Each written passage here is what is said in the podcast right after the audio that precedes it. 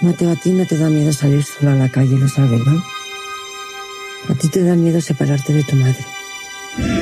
Dues pel·lícules catalanes han entrat a competició en secció oficial. La primera és La Pietat, el segon llargmetratge d'Eduardo Casanova, que ja va sorprendre i molt, amb Pieles, que es van dur dos goies. El que va ser actor de nen a la sèrie Aida és ara un dels directors més personals del cinema espanyol.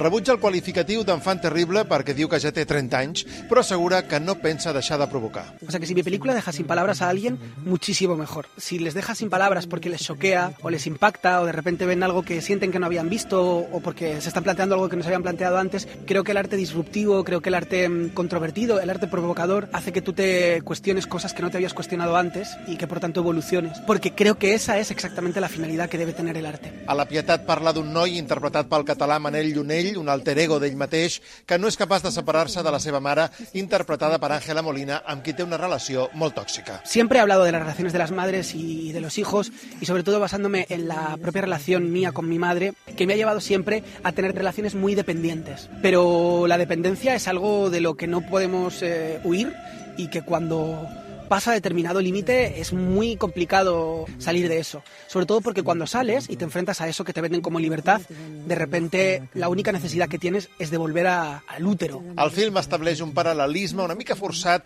amb la relació de dependència del poble de Corea del Nord amb el seu president Kim Jong-il. Repite conmigo. No soy un superhéroe.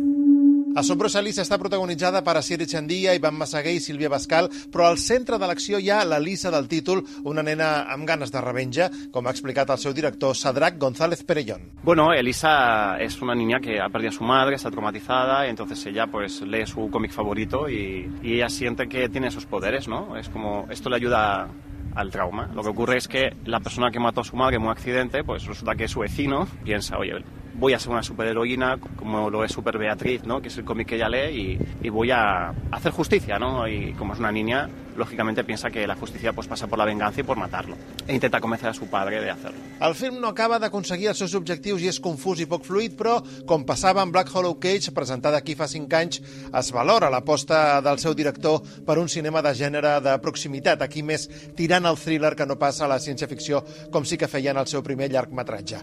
S'estrena aquest divendres i sembla difícil que pugui entrar al palmarès.